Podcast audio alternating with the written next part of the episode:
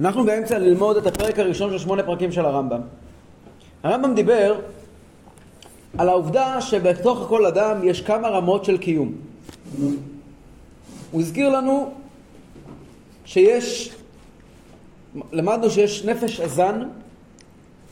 מה זה נפש הזן? נפש הזן זה החלק התחתון של האדם, זאת אומרת אותם חלקים שבהם האדם דומה בעצם גם ל, ל, לא רק לבעל חיים אלא אפילו לצומח. זאת אומרת היכולת לעכל אוכל ולאבד אוכל ולהפוך אותו להיות משהו, כוח ש, של אנרגיה. יש צמחים שטורפים, אתה משחרר נניח חרק, אתה רואה שהוא תופס את החרק, ודאי, אבל לא צריך להגיע עד לשם. כל צמח בעצם, בסוף, זה לא שאלה של בשר או לא בשר, זה שאלה של עיכול. זה שאלה של להפוך חומר כלשהו לאנרגיה. זאת השאלה. להפוך, אה, אה, לקחת ולהפוך את זה לאנרגיה, ומזה להתקיים. וזה גם בעלי חיים עושים, ובוודאי ובוודאי שגם, ואפילו צמחים עושים, בוודאי ובוודאי שבני אדם עושים את זה. והנושא הזה הוא נושא שלם, שקשור למהלך, כמובן שאדם הוא יצור הרבה הרבה יותר מפותח מאשר האמבה. אבל בסוף, בסוף, בסוף, אלו תכונות, אמנם בסדר גודל אחר לגמרי, אבל תכונות זהות. ולכן, כאשר ישנן בעיות, למשל, במערכת העיכול, במערכת היציאות, במערכת, במערכת הגידול, בהורמונים, ההורמונים, בזמנו לא הכירו את המילה הורמונים, אבל לא משנה. בכל מה שקשור לעניין פיזיולוגי, זה נושא שקשור לחלק הזן. אוקיי? שולחים לרופא, לגוף, לא לגוף. לא לגוף. לא לגוף. הגוף זה זה. מערכת ההזנה. זה הגוף. אוקיי. רוב הפעמים הבעיה היא לא בגוף. בעיה בגוף זה דבר, אגב, מאוד פשוט ופתיר. אז מה, נשמה? לא. אלא? מה אתה אוכל? נפש, לא. לא, לא, לא, לא, לא. גוף זה חומר. גם אצל אדם חולה מאוד, שלא נדע, הגוף הוא גוף. יש לו אצבעות ורגליים ומערכת עיכול, הכל יש. הבעיה מתחילה לא, ממה, לא מהגוף, אף פעם הבעיה לא מתחילה מהגוף. הבעיה מתחילה במערכת. יש תקלה במערכת, משהו לא עובד נכון. משהו לא עובד נכון פירושו, הגוף שלם, זה גוף, יש פה. אבל הוא לא עובד נכון, משהו במערכת מקולקל. כשאנחנו הולכים לרופא ורופא נותן לנו כדור, הכדור בא לאזן את המערכת. למערכת הגופנית קוראים חלק אזן, אוקיי? Mm. בעיות בגוף בדרך כלל זה שברים, לא דברים אחרים. כל היתר, כל המחלות כולן, זה הגוף. זה גם לא נפש, זה הנפש הזן, זה החלק, זה מערכת ההפעלה של הגוף, אוקיי? כמו אוטו עם משהו לא מתפקד שם בזה... באוטו עם מנוע, אז בדרך כלל כן משהו גופני, יש איזשהו חור, משהו נדפק. בגוף האדם זה לא שמשהו נדפק, לא הפירוש שפתאום יום אחד, אני יודע מה, המעיים אה, נשברו, נקרעו, לא זה מדובר. אלו סיפורים מוזרים.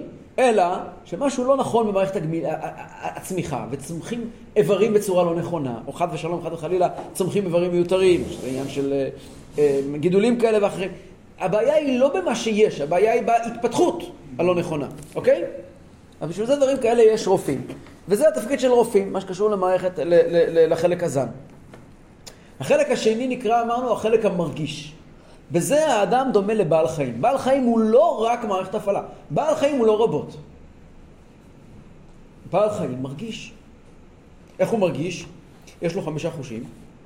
הוא רואה, שומע, מדבר, מריח. אם אתה תקשיב הרבה, בסוף תבין הכל. הנה, ראינו כלבים שעובדים עם החיילים. נכון, אבל לא רק, גם אלה שלא עובדים עם חיילים. כל בעלי החיים, יש להם מערכת רגשית. המערכת הרגשית הזאת נקראת החלק המרגיש, וזה היכולת בעצם אה, לקיים אינטראקציה עם העולם. אין את זה לצמחים. הצמחים לא רואים ולא שומעים. אבל כן מרגישים. הם לא, הם לא מרגישים. אז איך החמניה מסתובבת בכיוון? החמניה היא לא לפי הרגשה. אלא? זה כמו שאנחנו נפתח, אה, כמו שפיתחו, יש לנו בכל מיני מקומות בארץ, שפיתחו אה, אה, קולטי שמש שזזים. הם לא מרגישים. היא יודעת, יש שם מנגנון שתופס את השמש והולך אליו. זה לא הרגשה. זה לא שהיא לוקחת ומאבדת נתונים, לא, אני לוקח את זה ואני טוען, זה מר לי, זה טעים לי, זה מתוק לי, ווטאבר. זה לא שייך. אצל צמחים זה לא קיים. לצמחים אין אוכל טעים ולא טעים, יש מועיל ולא מועיל. והצמחים יודעים, הקדוש ברוך הוא נתן בהם את היכולת לחפש את, אה, את אה, מקור האור, שהאור זה החיים שלהם. הם לוקחים את הפוטונים של האור והופכים אותו לחיים. בסדר, הם יכולים לחפש את זה, אבל הם לא תואמים אור. זה לא רלוונטי להם, הם לא רואים כלום, הם לא שומעים כלום, לא מרגישים כלום. בעלי חיים כן. בעל חיים מסתובב במרחב, הוא מרגיש, הוא שומע, הוא חש, הוא, יש לו אינטראקציה במרחב סביבו, באמצעות חמשת החושים, אוקיי? גם, ודאי גם לבן אדם יש. זה נקרא החלק המרגיש. בעקבות כך יש לנו אינטראקציה עם העולם, גם אינטראקציה רגשית. אדם הוא לא כלב מפותח. אדם הוא גם כלב מפותח, אבל הוא לא רק כלב מפותח. מעל זה יש החלק המדמה. מה זה החלק המדמה? זה לא קיים אצל בעלי חיים באופן כללי. מה זה החלק המדמה? דיברנו על זה פעם שעברה, ועם זה סיימנו פעם שעברה. זה היכולת של האדם לייצר דברים בעולם הדמיון. זאת אומרת, האדם בעצם יכול לבנות תפיסת עולם, יכול לבנות סיפור. אתם יודעים שהציוויליזציה היא מתפתחת באמצעות סיפורים. סיפור. פעם שמעתי הרצאה... אתה מתכוון לפרסום. או. מה? כל הפרסום. לא, הרבה לפני. פעם שמעתי הרצאה מרופ... מ... מפסיכולוג גדול, פסיכולוג, לא שמעת מחלקים מתנות חזק, אה? שהוא דיבר, הוא דיבר, מה ילד רואה, כשילד רואה אותנו יושבים על השולחן, מה הוא רואה? הוא רואה חצי גוף. אין אף הוכחה שיש עוד חצי גוף למטה. אני רואה אותך עכשיו יושב, אני יודע שיש לך למטה חצי גוף? יש לי הוכחה לזה? זה הסתברות, אבל אין לי הוכחה, נכון? אבל בראש שלי יש ציור שלם. שבוע שעבר היה פה אה, ידידנו, אהובינו, אה, ויקטור המתוק. אה, נכון?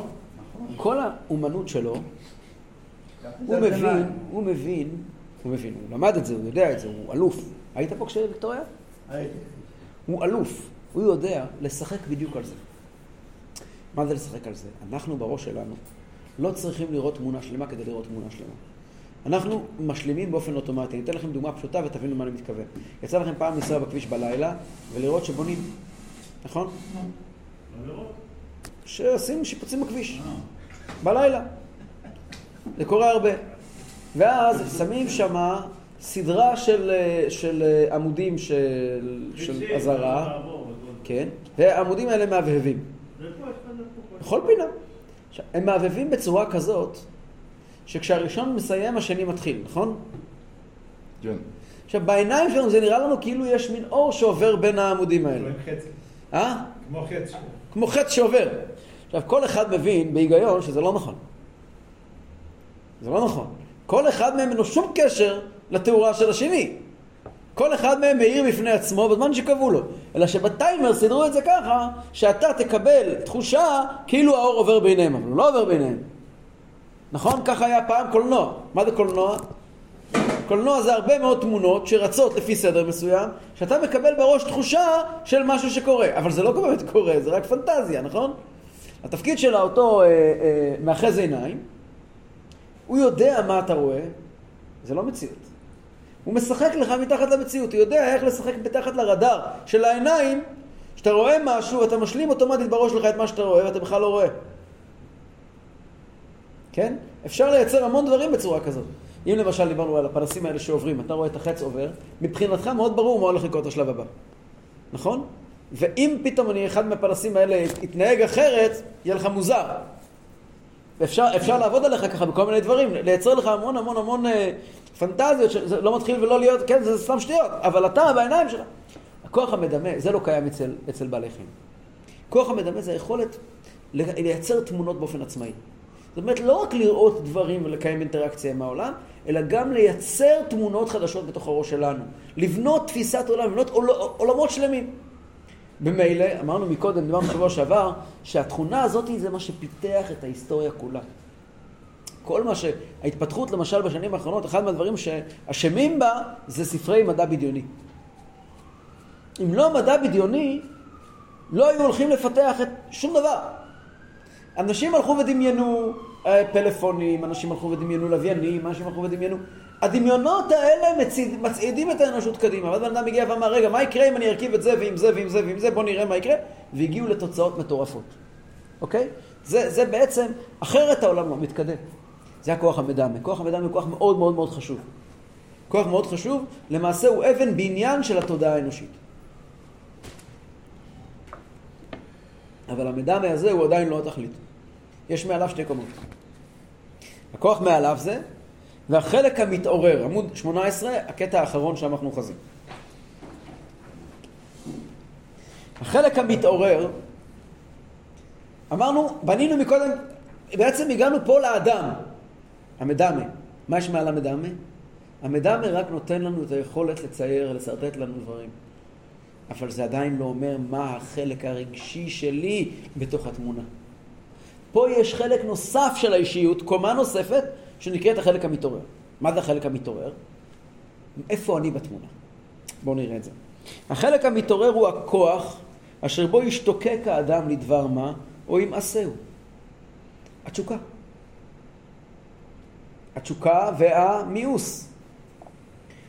זאת אומרת, זה לא רק שאני יכול לדעת מה היה, ההיסטוריה היא לא רק סיפור, היא גם שנאות ואהבות. שנאות ואהבות לא נמצאים רק במקום של דמיון, אלא זה משהו רגשי, אמיתי, נכון? שקורה, מתחולל בתוכנו, אנחנו נמשכים למשהו, אנחנו נרתעים ממשהו, אנחנו נגאלים ממשהו. ומזה הכוח יבואו פעולות הבקשה והבריחה.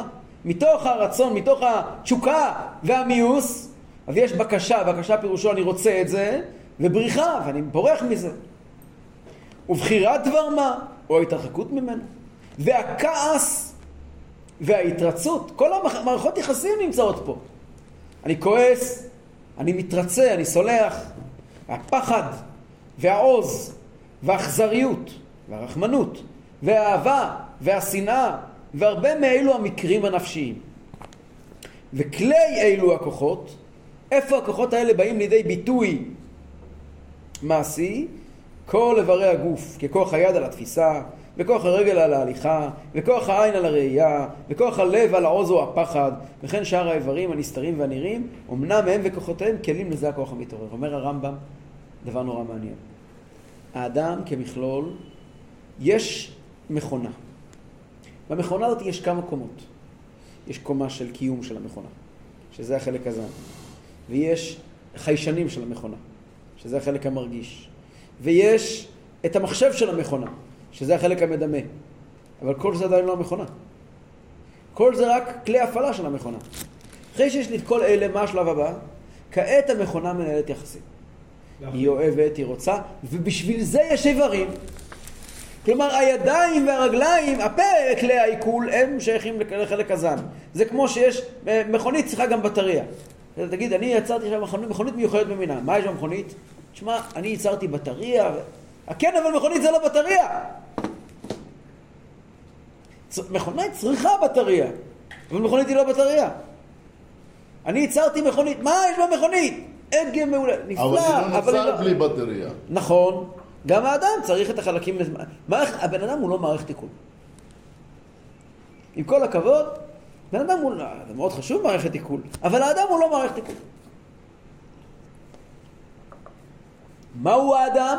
עבור מה יש ידיים ורגליים? ידיים לא נועדו כדי לאכול בהם. עושים את זה גם. לתפעל את הגוף. אה? לתפעל את הגוף. לא. גם לא. לא, מה פתאום? זה מה שהרמב"ם פה בא להגיד. אני רוצה משהו בכל זה. אה, לא, לא עבור זה זה נוצר. אפשר להשתמש בזה עבור זה, אבל לא עבור זה זה נוצר. עבור מה? כדי לתפעל את הגוף יש לנו איברים אחרים. שיניים, לשון, גרון, בטן, איברים פנימיים, אלה נועדו כדי לתפעל את המכונה. יש לי מכונה, מה אני עושה איתה? היא קיימת כדי להיות קיימת? זה מעגל שלא נגמר? המכונה הזאת היא מתחוללת במרחב, היא אומרת שלום עליכם לבן אדם, מקבלת עליכם, שואלים מי אוהבת, היא שונאת, היא רוצה, זה האדם. ידיים קיימים כדי לתת, כדי לקחת. שאלה ידיים של מי? יש ידיים של אנשים שכדי לתת, ויש ידיים של אנשים כדי לקחת, כן. חלק מהמערכת. הרב, בלי מכוניות היום לא יכולים לחיות היום. אני לא אומר שלא, אני אמרתי שהמכונית היא לא המנוע. המכונית היא הכיסאות. המכונית זה היכולת להעביר אותי ממקום למקום. המכונית זה לא המנוע. צריכים מנוע, אבל המכונית היא לא מנוע. מדינה היא, אנחנו גרים במדינה, בלי לדבר מילה רעה, חד ושלום, אנחנו חיים במדינה אה, אה, מיליטריסטית. מדינה שלנו היא מדינה שכל הסיפור של המדינה וכל הנושא הכי הכי חם במדינה זה הצבא. זאת אומרת, הצבא, באופן עקרוני... לא היום, היום 50-60 אחוז לא עושים צבא בכלל. נכון, אבל בעיקרון ה- השיח והרוח במדינה, הכל צבא, המדינה, צבא, צבא, לא צבא. מעניין מי עושה, המדינה... היא- הצבא זה בסך הכל כמו מאין. צריכים את זה, אי אפשר בלי זה. אבל זה מדינה? מדינה היא צבא? אוי ואבוי אם מדינה היא צבא. זה, זה אולי באיראן המדינה היא צבא. אנחנו לא, מדינה היא לא צבא. מדינה היא מדינה, היא לא צבא. אז גם בגוף האדם, האדם הוא לא אוכל. האדם זה לא לאכול ולפלוט, לא זה האדם, האדם זה משהו אחר. לאדם יש יחסים עם הסביבה שלו, האדם זה לא רק הכרחים, האדם זה עולם שלם. וזה, הידיים נועדו כדי לתקשר. האדם פה כדי לייצר משהו, כדי, כדי... לעשות ל- את המלאכה. אם אתה חוזר, אז בעומק, גם מלאכה בעצם היא, היא סוג של חלק הזן, כן? אדם לא נועד כדי, נכון שאדם לעמל יולד, אבל אדם באמת באמת באמת בעומק של הדברים, בהיגיון ישר, אדם לא נועד, לא נולד כדי לשרוד, כדי להפעיל את חלק הזה, הוא חייב לעבוד, חייב... הוא חייב לעבוד, כל מה שנכנס תחת. הכותרת חייב, זה לא יכול להיות האדם בעצמו. חקלאות, הוא צריך ל- לש- הוא צריך לקצור, הוא צריך לה- להכין- לעצמו אוכל, לה- להפעיל את הזן, את החלק הזה. בשביל זה הוא צריך את הידיים. נכון. אבל הוא אומר עדיין, הנקודה של היד זה לתפוס. למה? כי באופן ישיר, על מה שאנשים עושים, הם עושים מתוך רצון להתקרב או רצון לברוח. יכול להיות שאני רוצה לעבוד כי אני צריך כסף, כדי אני צריך חלק כזה, הכל נכון. אבל המפעיל הישיר של הידיים והרגליים זה החלק המתעורר. יכול להיות שהסיבה העמוקה היא חלק הזן. אני בסוף רוצה לאכול. והחלק השכלי זה החלק הכי גבוה.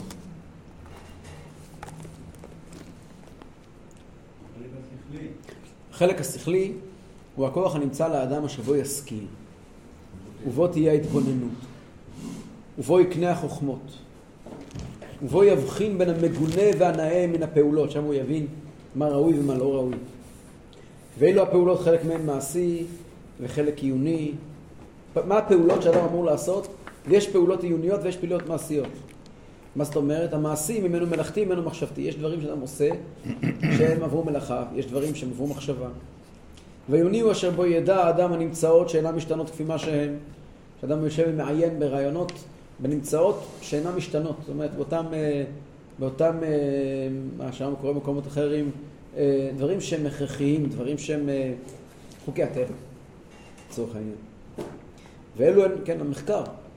מה עושים באוניברסיטה? מה עושים במכון ויצמן למדע?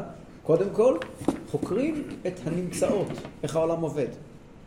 אחרי זה מפתחים פיתוחים על פי זה. ואלו הן אשר יקראו חוכמות סתם. והמלאכתי הוא הכוח אשר בו נלמד המלאכות, כמו נגרות, ועבודת האדמה, והרפואה והספנות. המחשבתי הוא אשר יתבונן בו בדבר אשר ירצה לעשותו, בעת אשר ירצה לעשותו, אפשר לעשותו או לא, ואם אפשר, איך, איך צריך שיעשה, כל מה שקשור לתכנון קדימה, כל זה נמצא בחלק השכלי. זאת אומרת, החלק השכלי זה כבר סיפור אחר לגמרי, וזה שיעור מה שראוי שייזכר מעניין הנפש אומרת, כל זה זה הקדמה כדי להבין מה זה נפש, ומתוך זה אנחנו יכולים לע- לעבור לפרק הבא, הפרק השני, שעוסק בשאלה מעניינת. השאלה המעניינת שבה עוסק הפרק השני זה, אחרי שהבנו חמשת הקומות שממנו עשוי האדם, הגיע הזמן לשאול, הגיע הזמן לשאול, התורה והמצוות, מול מי יש להם תביעות? מה הם רוצים מאיתנו? יש להם לדבר עם חלק הזן, עם החלק המרגיש. זה מאוד מעניין השאלה הזאת. זאת אומרת, איפה שייך מצוות ועבירות בתוך המכלול של האדם? בואו נראה. לכולם לא. לא. לא. ממש לא. ממש לא. אני יכול לאסור על בן אדם אה, להרגיש משהו? לא. אני יכול לצוות על בן אדם לעכל משהו בצורה כזאת או אחרת? יש מצווה לא לשנוא, יש מצווה לאהוב. אז אתה כעת מדבר על הרגשה, מהסוג של החלק המתעורר. אני יכול לאסור על בן אדם להרגיש קור או חום? לא. לא. אני יכול לאסור על בן... בוא, בוא, בוא, נחשוב לבד.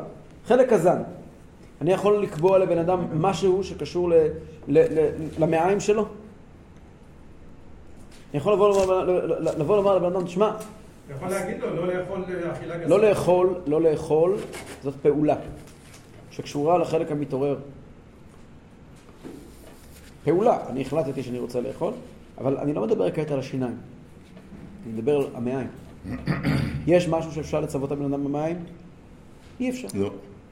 אפשר לצוות הבן אדם בחלק המדמה? להגיד לבן אדם, אה, אל תרכיב א' עם ב' במחשבה שלך?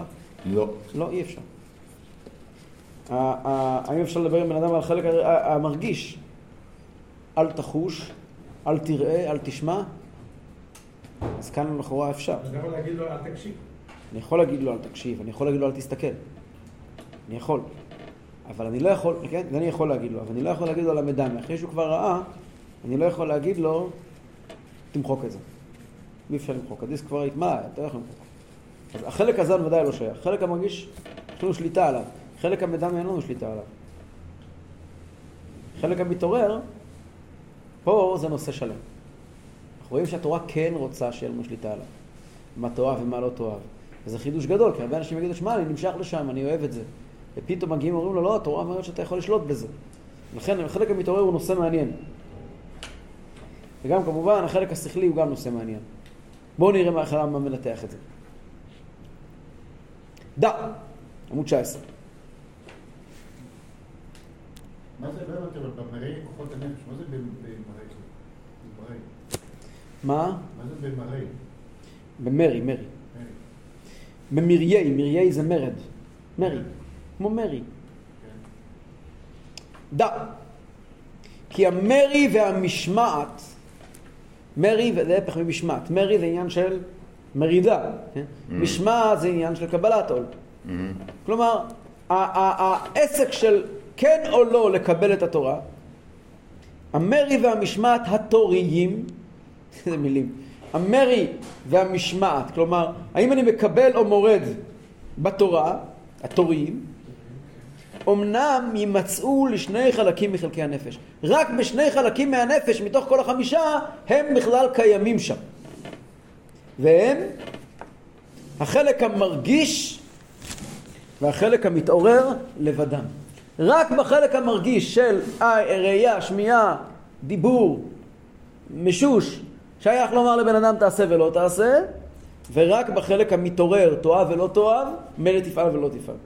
כל היתר, הזן, ברור שאין שום תביעה לבן אדם. אי אפשר להגיד לבן אדם למה אתה גבוה, למה אתה נמוך, נכון? אנחנו נעניש אותך כי אתה נמוך, אנחנו נקבע לך, אין לי בחירה פה. אותו דבר גם בחלק המדמה. אי אפשר לבוא לבן אדם בטענות, למה אתה מדמיין כך וכך? מה אתה רוצה? זה, כל דבר שקיים במוח שלנו מתפרק. אני יכול לבחור לא לחשוב על זה, אבל אני לא יכול לבחור שהמוח שלי לא יעבוד. רגע, אבל אפשר להכריח בן אדם לא לחשוב על זה? כן, נכון? כן. אבל, אבל עצם העניין של המדמה, אדם זוכר דברים, אדם זה לא יעבוד. אם בן אדם ישמור טוב על המרגיש, הוא לא יגיע לבעיות במדמה. אבל על המדמה עצמו אין לנו שליטה. אחרי זה על המתעורר, כן. אנחנו רואים שהתורה מצווה עלינו לאהוב ולשנוא. והדבר האחרון. השכלי, בנוגע לשכלי, פה בינתיים משמע שאי אפשר לשלוט בהם. כבר נראה. אז בשני החלקים, המרגיש והמתעורר לבדם, בשני אלו החלקים יהיו כל העבירות והמצוות. כל העבירות והמצוות נמצאים, מתייחסים לשני חלקים בנפש, שהם החלק המרגיש והחלק המתעורר. אבל החלק הזן והחלק המדמה, אין משמעת בהם ולא מרי, אתה לא יכול לצוות בהם שום דבר, ואתה לא יכול למרוד בהם שום דבר. הואיל ואין לדעת, אין, אין, ואין לדעת ולבחירה. לא שייך בכלל אצלם בחירה. ודע, סליחה, ואין לדעת ולבחירה, אוי, נראה לי דילגנו מקודם משהו. טוב, לא נורא. דילגנו את הקטע האחרון בפרק א'. אוקיי. הואיל ואין לדעת ולבחירה בשניהם מעשה כלל. ולא יוכל האדם לבטל פעולתם או להגבילם בפועל מה. אדם לא יכול לשלוט בהם ולא להגביל אותם. הלא תראה כי שני אלו החלקים, רצוני לומר הזן והמדמה, יפעלו בעת השינה. אומר הראייה הכי גדולה שיש לנו שום שליטה עליהם, כי מתי עיקר הפעילות שלהם? כשאדם ישן. אדם ישן, שני חלקים עיקריים בנפש עובדים. החלק הזן, מערכת העיכול עובדת, במיוחד כשישנים, ומערכת הדמיונות. אנשים ישנים הם חולמים חלומות. חלומות זה קלאסיקה של לקח חלק המדמה. זה לקחת דברים ולחבר אותם יחד, נכון? מה שאין גם בשאר כוחות הנפש. כשאדם ישן, אז הוא לא רואה ולא שומע ולא תואם. זה שלושה חלקים. הוא, הוא לא תואם, הוא לא מריח, הוא ישן. אותו הדבר, החלק המתעורר, כשאדם ישן הוא לא כועס, הוא לא מתרצה, כי אין לו בחירה. ואם אין לו בחירה, אז החלק הזה לא מופעל. השאלה היא מה קורה עם החלק החמישי, החלק השכלי. אמנם החלק השכלי, יש בו מבוכה. האם אנחנו יכולים להגיד לבן אדם מה להבין או לא? אבל אני אומר שאפשר שיהיה בזה הכוח גם כמשמעת אומרי. אומר הרמב"ם, לדעתי, יש לאדם יכולת לשלוט על האמונות שלו ועל תפיסות העולם שלו. לפי אמונה דעה בטלה, אמונה דעה אמיתית. יש שייך בזה, שאדם יקבל על עצמו אמונות נכונות וידחה אמונות לא נכונות. אבל אין בו מעשה. בחלק הזה, השכלי, אין מעשים, ולכן אי אפשר שיאמר עליו בסתם שם מעשה או עבירה. אתה לא יכול לומר, אתה כעת קיימת מצווה, אתה כעת עשית עבירה, כי מצוות ומעבירות מתייחסים לפעולות, ובהבנה אין פעולות. אז אני יכול לעורר בן אדם להבין נכון, ואני יכול להרחיק בן אדם מלהבין לא נכון, אבל אין פה פעולות. ולכן אי אפשר לומר שיש פה משמעת או מרי, שיש פה מצוות ועבירות, כי מצוות ועבירות משתייכים למה? לפעולות, לא להגיונות. ולפיכך אמרתי למעלה, שבשני החלקים מהם יימצאו העבירות והמצוות. שרק בחלק המדמה, בחלק המרגיש ובחלק המתעורר, רק שם יש עבירות ומצוות. אמנם המעלות, נדבר על מצוות ועבירות, שזה מרי, כלומר מרידה, או משמעת, לקבל על עצמנו משהו, זה קיים רק בחלק המרגיש והמתעורר. אבל מעלות וחסרונות, מעלות וחסרונות קיימים גם בחלק החמישי. זאת אומרת כך, אם יש לי בן אדם נמוך, באופן קיצוני, שמנמוך כמוני עם קרחת, זה מעלה או חיסרון? זה לפעמים מעלה, לא רק... זה לא מעלה ולא חיסרון. נכון. נכון? אני, אני ובן גוריון בקואליציה. זה לא מעלה ולא חיסרון. למה? כי זה שייך לחלק הזן. אם לבן אדם יש כאלה אה, אה, אה, יכולות אה, מידע מוזרות כאלה ואחרות, זה מעלה או חיסרון? מציאות. מציאות. איפה אני יכול לבוא ולומר זה איש המעלה, זה איש החיסרון? זה בעיקר החלק השכלי. פה האדם יכול לקנות לעצמו מעלות. בואו נראה. אמנם המעלות הרי הם שני מינים, מעלות מידות ומעלות שכליות. יש שני סוגים של מעלות, מעלות מידות, כלומר מעלות רגשיות, התנהגותיות ומעלות שכליות, ושניהם הוא כנגדם שני מיני הפחיתויות, חסרונות מידות וחסרונות אה, שכליות. אומרים בן אדם מסוים שהוא, הוא, הוא, הוא, הוא, יש לו, הוא רע, חיסרון, יש לו רע, הוא רע לב, קמצן, הוא פזרן, חיסרון בלב. מגיע בן אדם ואומרים לו, שמע, הוא בן אדם, הוא משהו מעולה, הוא בדיוק במידה הנכונה, הוא מקבל אנשים באופן, אה, הוא, יש לו סרט פנים יפות וכן הלאה. זה לא כי הוא יפה. יש בו, הוא מושלם במידות שלו, מושלם בהגיונות שלו. אמנם המעלות השכליות הרי נמצאו לחלק השכלי, המעלות האלה הן קיימות באמת בחלק השכלי הגבוה ביותר. מהן החוכמה, מעלה ראשונה יש בתחום החוכמה. מה זה החוכמה? סליחה, והיא ידיעת הסיבות הרחוקות והקרובות. אחר ידיעת מציאות הדבר שחקרו סיבותיו. מה זה חוכמה? אומר, המעלה הראשונה שיכולה להיות זה חוכמה. מה זה חוכמה? חוכמה בלשונו של הרמב"ם זה ידיעת הסיבות. מה זאת אומרת ידיעת הסיבות? אנחנו רואים חיים מול תוצאות. כל החיים שלנו זה תוצאות. אנחנו מכירים את שורת הסיכום.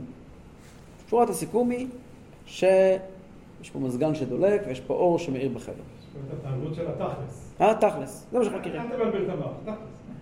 אבל ידיעת הסיבות, אם יהיה פה בן אדם ויגיד לך, אני יודע איך מזגן עובד.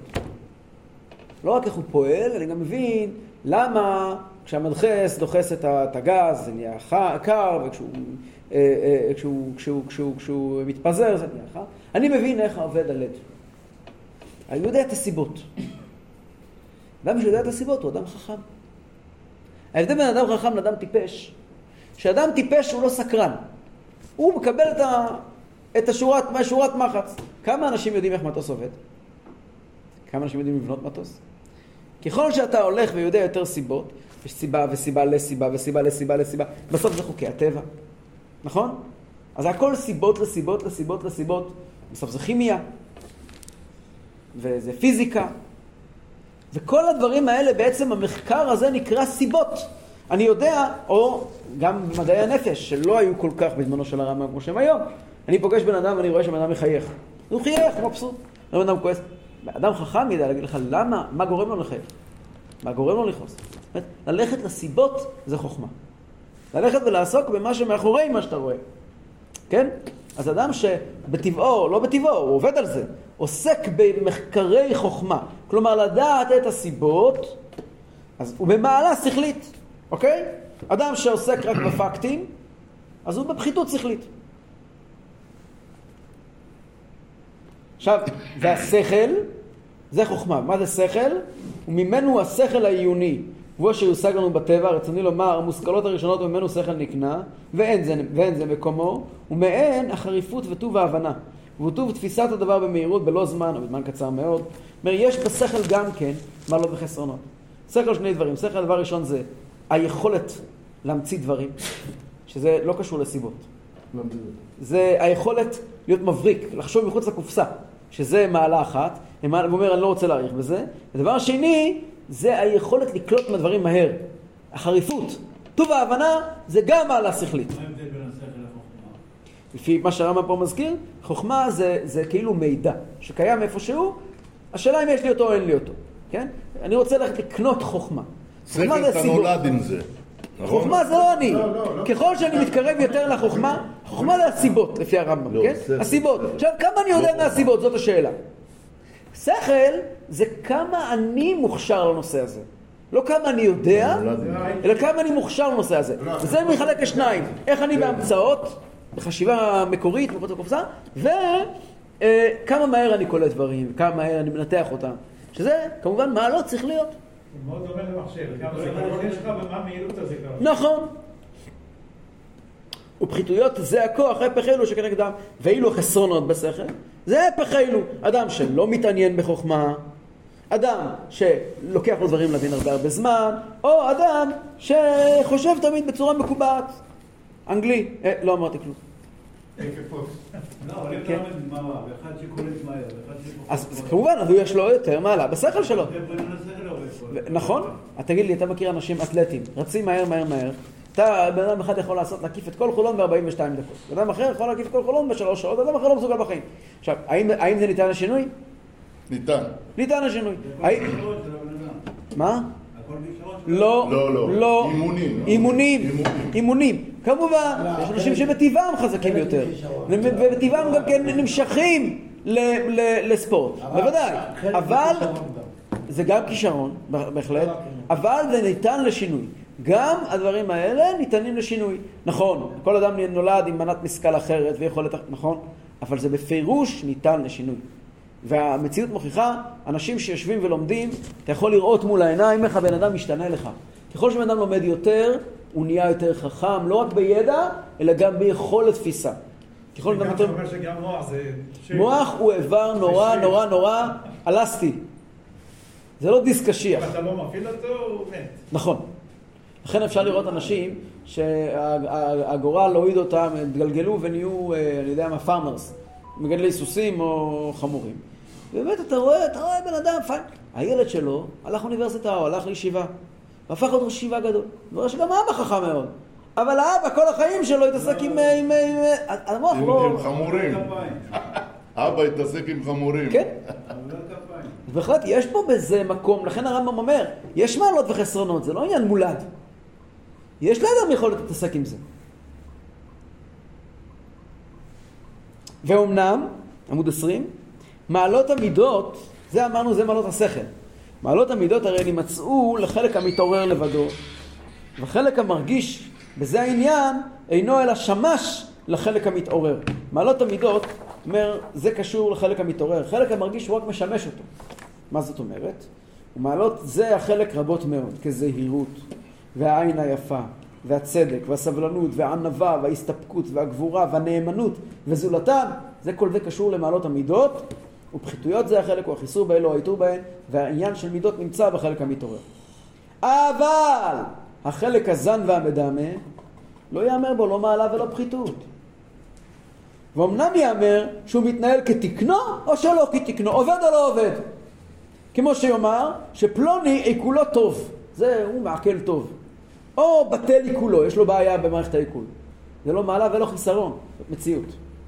או נפסד, או נפסד דמיונו, יש לו בעיה בזיכרון. או הוא מתנהל כתקנו. ואין בכל זה לא מעלה ולא פחיתות, בזה אין לנו שום טענות לאף אחד. וזה מה שרצינו לקוללו בזה הפרק. וזה מה שרצינו ללמוד בפרק השני, ברוך השם לעולם, אמן ואה. אמן.